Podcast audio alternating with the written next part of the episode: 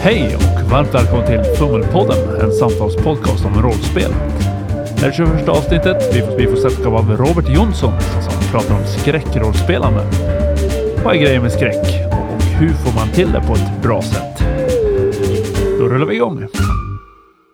Jag heter Lukas. Och jag heter David. Idag ska vi fortsätta att eh, förhoppningsvis bli lite klokare och visare genom att få andra perspektiv på rollspel. Och vi pratade ju i det här Gotcon-avsnittet om att eh, du David har inte riktigt förstått grejen med skräckrollspel. Nej, lite fördomsfullt, men jag har svårt att se lockelsen i skräck för att det är svårt att sitta och känna skräck tillsammans med sina kompisar runt bordet, kan jag känna. Eller det är min fördom i alla fall. Så att det blir lätt att det blir lite så här roligt och lättsamt om man sitter och skrattar bort det istället. Men i samma veva som vi pratar om det här så började vi ha lite kontakt med Robert Jonsson från podcasten Bortom Bortom och eh, det känns som ett ypperligt läge att lära sig mer eftersom han har bättre koll på det här med skräck. Så nu har vi med oss Robert Jonsson. Hej där! Hallå!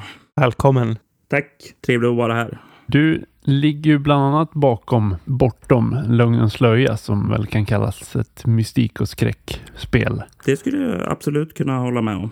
Och du har gjort eh, vatten sci-fi spel som heter Leviathan som är lite spirituell uppföljare eller faktisk uppföljare till Bortom. Ja, de utspelar sig i samma värld och därav att det även finns en dos skräck i det också. Just det. Och sen vi pratade med Willem tidigare som har podcasten Nord Nordost och han eh, informerade oss om att Bortom Bortom är den äldsta i dagsläget aktiva podcasten om rollspel i Sverige. Ja, det stämmer. Jag eh, var nummer två ut på banan. Det fanns en eh, podcast som heter Märklighetstrogen med Tom Kerayer som eh, var den första. Just det. Men du, Robert, vad är grejen med skräck i rollspel egentligen? Ja, det går ju att tala utifrån två perspektiv. Dels ett spelledarperspektiv och sen har du ett spelarperspektiv. Och det är liksom som två sidor av varandra. Som spelare så är det som jag finner lockande just den här sårbarheten. För en sak som jag känner är väldigt viktigt för mig som rollspelare, det är att få känslor. Mm. Visst, det kan ju vara den här häftighetskänslan att nu är slutet på en episk fantasykampanj och besegrar en drake som slutmonster och du känner wow i rädda världen, vad coolt. Men det kan också vara att du kryper ihop i en eh, fosterställning och gråter för allting går emot dig. Alltså det kan vara rätt tillfredsställande det också. Och som spelare så känner jag då en sak som skräck kan ge mig. Det är en känsla av att vara sårbar, att vara utsatt.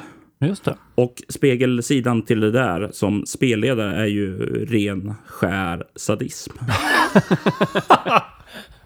Ja, och det blir lite ge igen på alla som har fått en att känna sig utsatt eller betala tillbaka i positiv bemärkelse. Det kan ju absolut vara det också, men man ska ju göra skillnad på eh, sadism och sadism. Ja, För jag menar, om det bara ren skär hämnd, det är ett dåligt sätt att göra det. Alltså sadism med stil, alltså någonting som skapar en känsla. Om vi säger du etablerar en karaktär som har familj, släkt och vänner och sen så dödar spelledaren hela tiden. Alltså det blir ju inte njutningsvärt för dig. konstruktiv och välmenande sadism. Ja, precis. Dina relationer och sådant, om de blir utsatta för en fara, om de bara blir dödade så är det ju rätt meningslöst egentligen i många fall. ja. Men om de börjar känna fara, då känner du okej, okay, jag har min sak här jag måste göra, men samtidigt måste jag försöka att skydda de här jag bryr mig om. Var ska jag prioritera? Och när du börjar känna dig då att du har inte kontroll över situationen längre.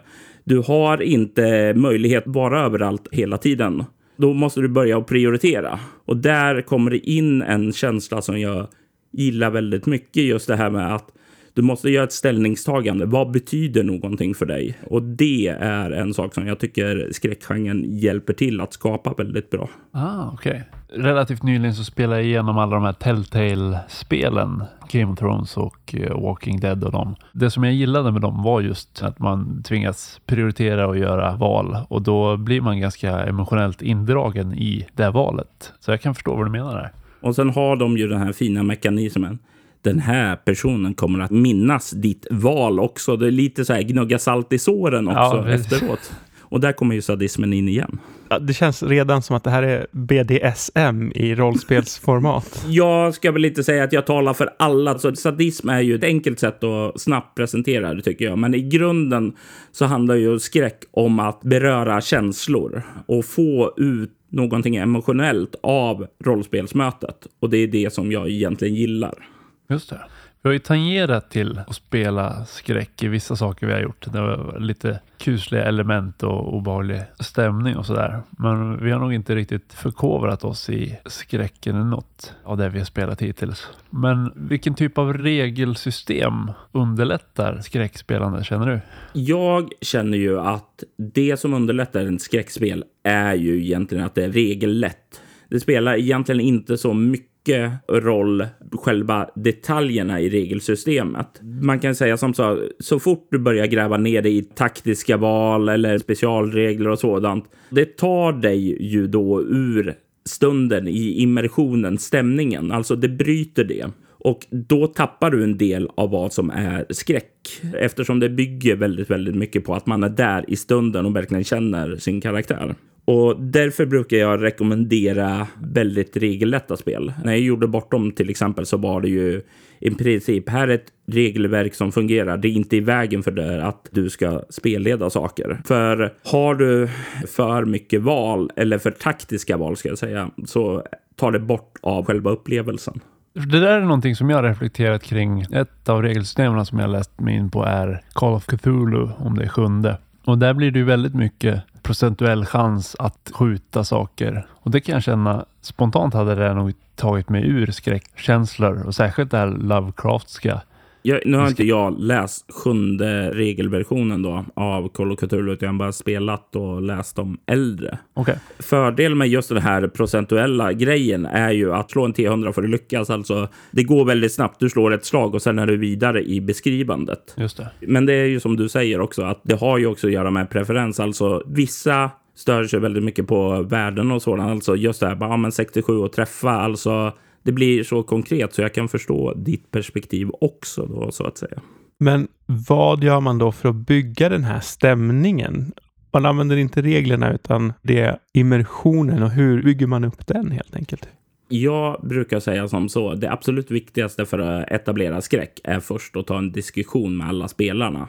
Ska vi spela ett skräckscenario? För om en spelare inte vill vara med, känner att nej, jag vill inte bli rädd, då kommer inte det bli skrämmande överhuvudtaget. Ah. För skräcken sådär, det är nästan ett socialt kontrakt som alla måste vara med på.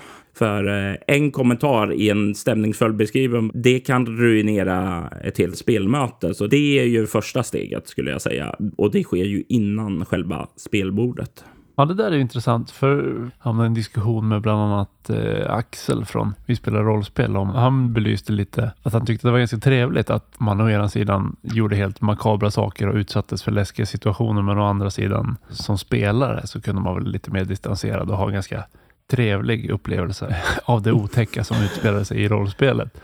Men det är svårt att behålla stämningen kanske. Det är svårt att ha ett helt spelmöte där alla är 100% in character hela tiden. Och för en del så kanske det inte ens är önskvärt att känna sig rädd, stressad, utsatt, jagad i ja, fyra, fem timmar i sträck. Alltså, det kan ju bli väldigt utmattande. Så en bra sak där och kanske ta fem, tio minuter så här någon gång varje timme bara få lätta på trycket och prata lite och komma, ja, flumma ur som man brukar säga.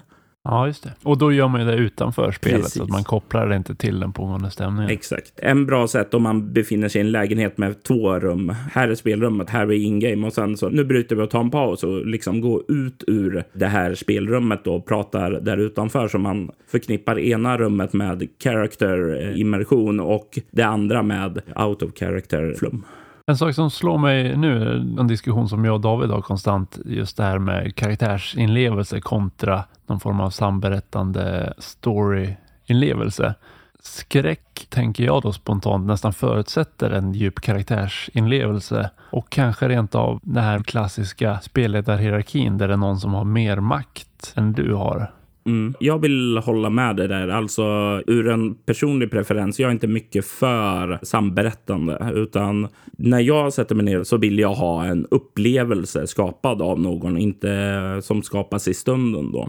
Och En viktig sak inom skräck, det är att känna sig ofta sårbar en av de faktorerna som kan uppnå det är just att man som karaktär känner att man inte har någon kontroll. Att du kan inte liksom kalla in en SWAT-styrka som tar hand om det här monstret som jagar dig eller du har ett plus 20 svärd som dödar allt eller sådant, utan du är i underläge och du är den som är utsatt för en fara. Liksom, du måste med din egen vilja och list försöka att klara dig ur det trots att du ligger i ett tydligt underläge. Ja, just det. Det är det jag känner överlag med rollspelarna, att jag tappar karaktärsinlevelse när jag som spelare har möjligheter eller handlingar som min rollperson inte har. Och det kan jag ju se poängen där att du behöver nästan ha en spelledare som berättar för dig vad som händer, där du bara slänger ur dig lösningar utifrån din rollperson snarare än att du helt plötsligt kan introducera nya element genom samberättande. Jag instämmer. Vad säger du David? Jo, men någonstans så slår det mig. Det är inte så konstigt att den delen inte lockar mig, för det är ju det jag sällan är lockad av, den här immersionsdelen, utan jag är ju mer en samberättare. Men samtidigt så köper jag helt och hållet argumentet. Skräck är ju någonstans den här okunskapen och maktlösheten. Mm. Så att om jag kan skapa och förändra världen och har den makten som spelare så blir det ju inte läskigt, utan det blir ju läskigt först när jag inte vet vad det är som pågår och jag inte vet vad jag kan göra åt det och när som helst då kan det gå åt skogen utanför min kontroll. Så att jag, det låter helt och hållet rimligt i min värld. Mm. Som du var inne på Robert, det här med att man måste sätta sig och verkligen komma överens om innan att nu ska vi spela skräck och det är där vi ska försöka åstadkomma. För att en lätt försvarsimpuls mot skräck är ju annars att lätta upp stämningen. Absolut. Och då måste man nästan bygga upp någon form av mental spärr i spelarna att försök inte lätta upp stämningen. Försök inte minska de här elementen. Precis, och om du dessutom då har spelare som känner sig obekväma med det. A. Alla kanske inte vill spela skräck för en del vill inte ha den upplevelsen och det är ju bra att veta det innan. Absolut. Eller B, alltså ta de här pauserna och veta okej, okay, det känns läskigt, det känns lite jobbigt. Ja, men det är tio minuter tills vi breakar här alltså. Så då finns det ju ändå så här ja, safe room. Och i värsta fall så kan man ju alltid ha någon så här. Nu knyter vi tillbaka till BDSM, men ha ett safe word är en bra grej. Jo, men vi pratade lite med eh, Wilhelm nu senast om indiespel spela mer på relationer och blotta sig lite mer. Skräck känns ju också som att det faller i den kategorin där du spelar på ett blottande sätt eller du måste utlämna dig för att få upplevelsen som du är ute efter i den typen av rollspel. Mm. Och då blir det väldigt viktigt att man som spelare ändå känner sig trygg i sammanhanget. Absolut. Just det som du tar upp nu. Jag skulle säga det andra som är väldigt viktigt för att kunna skapa skräck. Det är ju inte gå direkt på cosmic horror, utan börja på ett litet plan. Börja. Hur ser omgivningen ut för din karaktär? Vad för relationer har de? Hur ser det ut på jobbet? Vad har de för intressen? Alltså plantera väldigt mycket sån här karaktärsinformation i början. Spela ut små scener. Jag brukar till exempel när jag spelleder ibland slänga så här bara ah, okej. Okay nu har ni en veckas eh, semester. Ni får hitta på varsin vardagsscen och spela ut och sen så får spelaren liksom ta och etablera små statister som några andra får spela bara för att få en känsla för sin karaktär, hur den fungerar i vardagen och ur mitt perspektiv, jag får mer verktyg för att orsaka skador och skräck hos dem senare. Just det. Det är ju egentligen en förlängning av någon form av karaktärsimmersion. Mm. För har du inte koll på hur vardagen ser ut, då är det ganska svårt att leva sig in i hur en rollperson tänker och fungerar i mer invecklade situationer också tycker jag. Instämmer helt. Men båda de här poängerna känns ju kanske som rent spelledarverktyg. Mm. Finns det mycket sånt i regler, exempelvis som du jobbar med bortom och sådär, att du väver in verktyg för spelledarna att uppnå den här typen av stämning? Eller krävs det bara att man är en grym skräckspelledare? till första Bortom. Första boken som jag släppte till det heter Visioner och fantasier och där fanns det ju väldigt många sådana här berättartips på hur man etablerar skräck och sådant. Okay. Och där är ju som du säger mycket sådana här spelledar tekniker snarare än rena regler. För mig känns det som viktigt att det finns ändå tips och råd för hur man ska gå tillväga där. För har du inte några sådana så blir det så himla lätt att du glider ut till att det blir en actionberättelse eller att det blir en eh, döda monsterberättelse och sen förlorar du lite kontakt med själva det skrämmande så att säga. Ja, precis. Vissa typer av regelsystem ger ju incitament till vissa typer av handlingar och beteenden. Och mycket av det här med action och banka monster ger ju sig självs på något sätt. Du vet att du har dina färdigheter i banka monster och sen dyker upp ett monster. Då slår du en tärning för att banka och så ser du hur det går. Mm. Medan skräcken tänker jag nu spontant kräver mycket mer finlir och fingertoppskänsla. Det kanske inte går att bygga in lika starkt i regler. Utan Både ja och nej. Alltså om du har ett regelsystem som egentligen har princip eh, färdigheter för att banka monster. Om du då, då introducerar karaktärerna kanske får känna sig lite badass i början, men så kan du vända på biffen. Alltså att de hamnar i en situation där deras styrka då, banka monster, blir till en svaghet. Alltså dina skills fungerar inte mot det här monstret. Och då måste du finna andra sätt att bekämpa det. Så det går också att använda ja, mer trubbiga system för skräck till skräckfyllda upplevelser. Men då tror jag att det viktiga återigen blir den där punkten. Då ska alla vara överens om att det är skräck vi ska uppnå. Absolut. För att har man inte etablerat det tillräckligt starkt, då kan man ju som spelare titta på spelaren och säga, men vad fan, har du slängt in ett monster som vi inte kan ha koll på? Vad fan håller du på med? Och så dör alla rollkaraktärerna för att de vägrar ge upp. För att det är så man spelar rollspel. Man. Ja. Så det är viktigt att man har etablerat rätt typ av spel oavsett regelsystemet egentligen.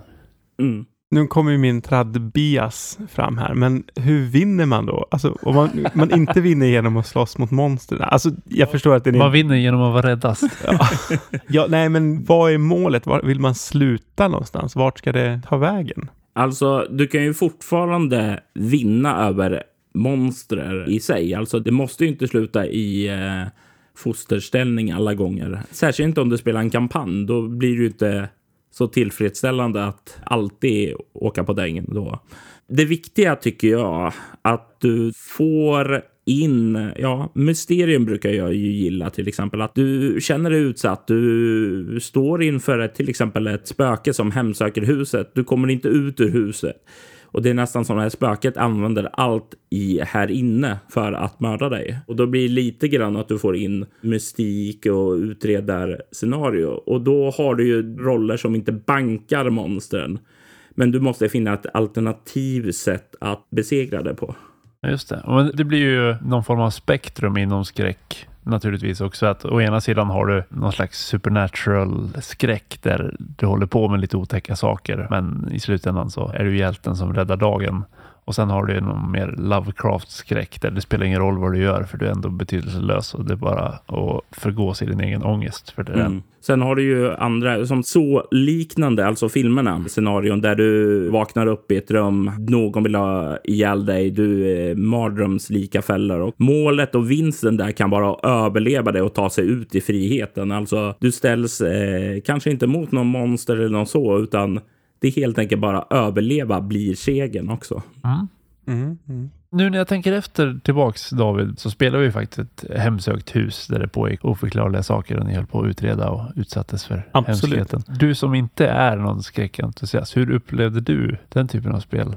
Alltså det var ju trevligt, fast jag såg det ju inte som ett skräckspel då. Då var det ju väldigt så här, okej nu ska vi ner och hitta problemet och lösa problemet. Och ja, min karaktär kände ju obehag, för det kändes rimligt. Men jag kände det aldrig, utan jag kände som att det här är ett äventyr som vi ska lösa. Och där ska ju tilläggas att vi hade inte etablerat tidigare att ni skulle vara rädda. Att det var den typen av spel vi var ute efter. Ja. Men jag skulle vilja fika in här, alltså det är helt okej att spela skräckscenarion där man själv gestaltar karaktären är rädd, men inte du. Alltså det tycker inte jag är ett fel sätt att spela skräckscenarion på. Nej, nej, det är sant. Det är också ett alternativ. Vi har pratat om vad man ska göra som spelledare och hur man ska bygga. Men är det några speciella färdigheter man ska ha som spelare och något speciellt man ska tänka på där? För det första, att inte slänga in massa skämt och off-snack. Regel nummer två är att hjälpa till och skapa skrämmande känslor. Alltså om till exempel eh, en karaktär ja, jag hör någonting, så ska man inte säga nej, det var ingenting, vi skiter i det, vi går hitåt istället, utan Följ gärna med på den här, vad ska jag säga, ledtråden då. Är du säker på att du hörde någonting? Hjälp till att skruva upp skräcken.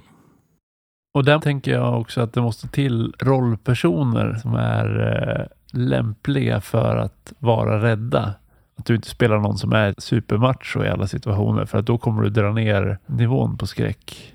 Fast där säger jag emot. Det låter ju jätteintressant att spela någon som är supermacho, men egentligen superrädd hela tiden och hur de hanterar det. Ja, jo, men det kan vara sant. Men att agera nonchalant inför skräck drar ju ofta ner skräckkänslan åtminstone. Mm. Absolut, absolut. Men om du visar det där bravadot utåt, se då till att ta dig ensam någonstans så att du när du är ensam får visa lite av det här, vad du egentligen känner.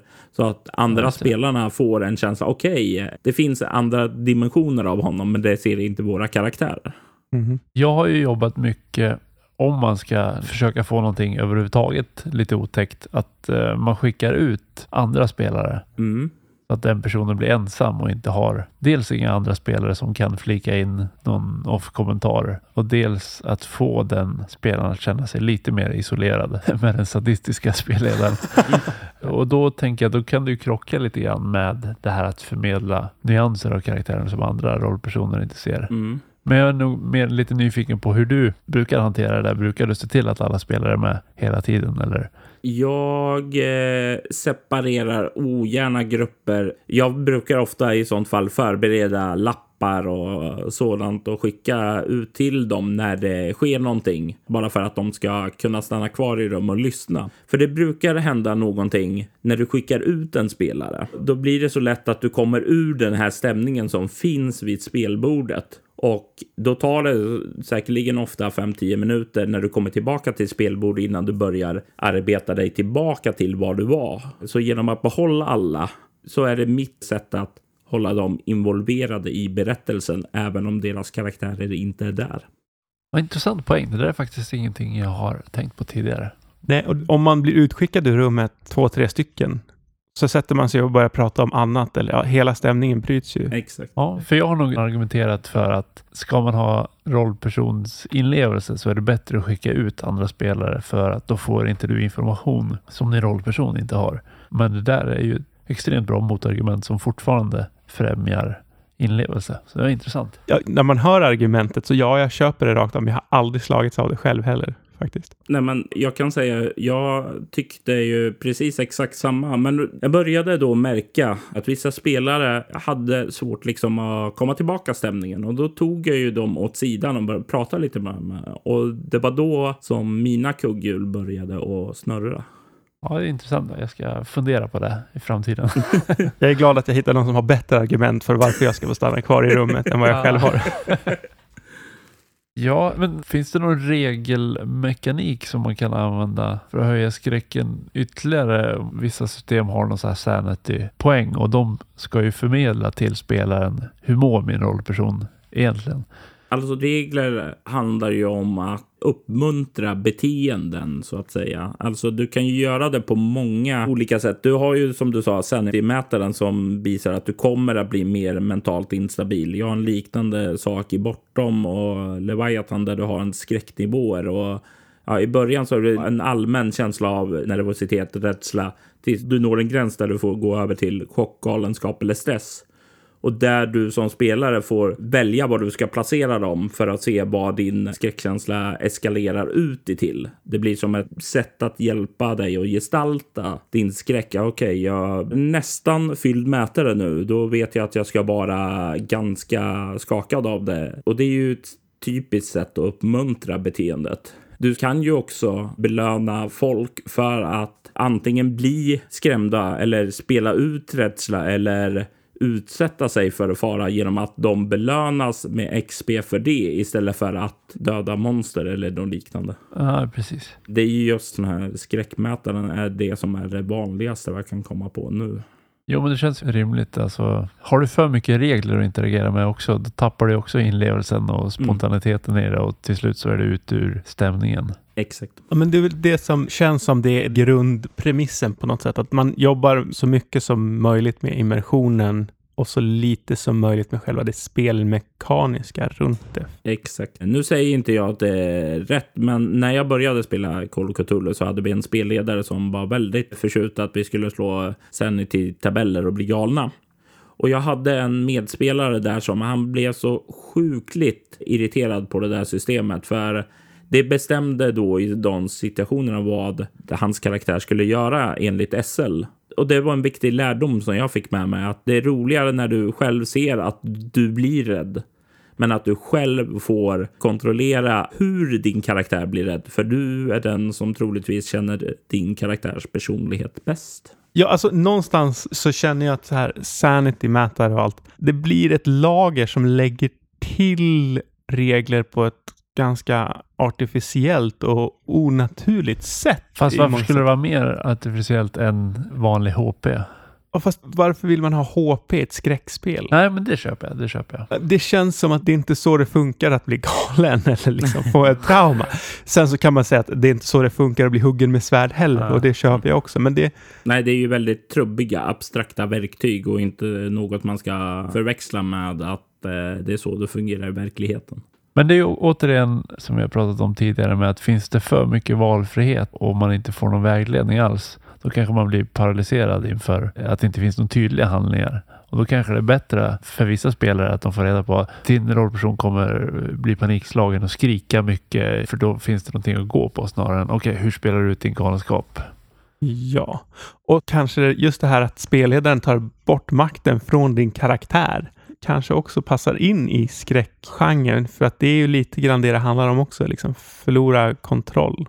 Men det som du beskrev Robert, jag förstår ju den frustrationen i, man sitter och spelar sin rollperson och sen tar någon ifrån en inflytandet och så gör den en massa saker som man själv inte har bestämt. Mm. Det återkopplar ju till det vi sa i början att eh, slänger spelledaren in ett monster som man inte kan skada på något sätt. Då kan man ju under fel omständigheter känna, men vad fan, var inte så taskig. och det är samma sak här. I så fall gäller det att man har byggt upp godkännande att det är det här som händer och jag kommer tappa kontrollen och det är en del av skräckupplevelsen och ja, har man kommit överens om det på förhand så tror jag det är lättare i alla fall.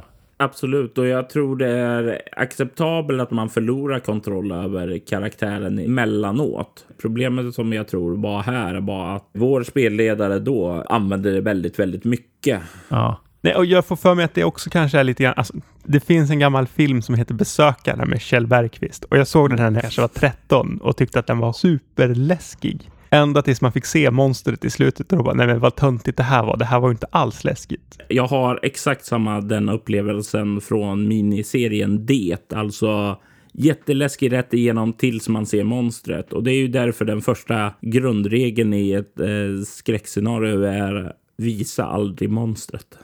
Ja, nej men precis. Och det är så jag tänker också lite grann med eh, de här ta ifrån kontrollen-reglerna, att ja, men de ska inte överanvändas, utan ju färre gånger de används, desto större vikt blir det när de faktiskt används kanske. Mikael Bergström har ju skrivit ett spel som heter Cthulhu. just det. Där en del av reglerna är att hamnar du i en scen där du blir liksom skrämd och sådan, spela inte ut den, utan du förlorar liksom minnet av den. Eh, så du vet inte riktigt vad som händer, utan du fortsätter vidare där efteråt. Och det kan också vara ett sätt att tackla det på. Liksom, vad fan hände där? Varför kan jag inte minnas? Och där har du ju också en situation där du förlorar kontrollen. Du har inte översikten över vad som hänt. Du vet bara att något fucked up nyss skedde.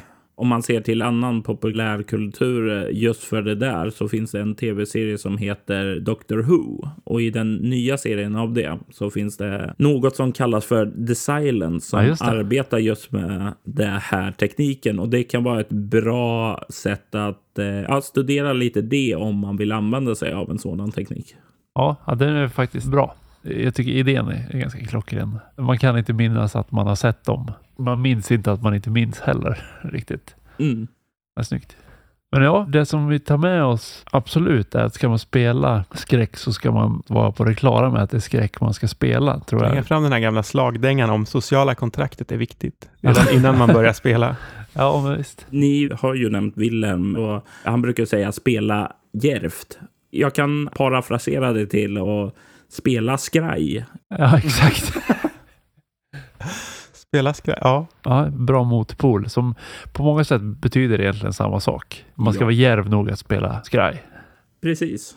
Men ja, lite klokare tycker jag allt att vi har blivit på det här. Absolut. Mycket klokare känner jag att jag har blivit. Vi får hoppas att vi får tillfälle att spela någonting eh, så att du kan göra oss lite skraja. Oh ja. Ja, Nice. vi. Nice. Du har ju varit med i Vi spelar rollspel ett par gånger, både spelet och pratat om spelen. Mm. Det kan jag rekommendera för folk som är nyfikna. Så du har en ny version av Bortom på gång.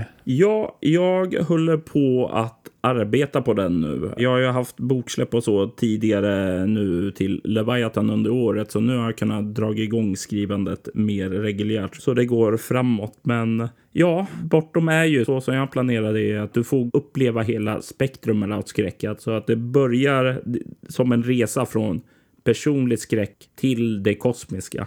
Ja. Så förhoppningsvis så kommer ni att få se mer av det senare i år. Skoj. Ja, tackar vi för att du upplyste oss lite om skräck. Ja, det var så roligt att få vara här och eh, jag hoppas att alla era lyssnare kommer att ta sig till det och skrämma skiten ur sina spelledare. ja, det hoppas jag också.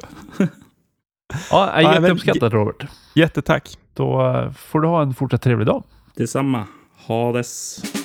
Du har lyssnat på Fummelpodden som presenteras i samarbete med Studiefrämjandet. Du får gärna gilla vår Facebook-sida eller kanske följa oss på Instagram. Länkar finns i avsnittsbeskrivningen. Har du feedback eller tips på ämnen, hör av dig via sociala medier eller skicka ett mejl till info@fummelpodden.se.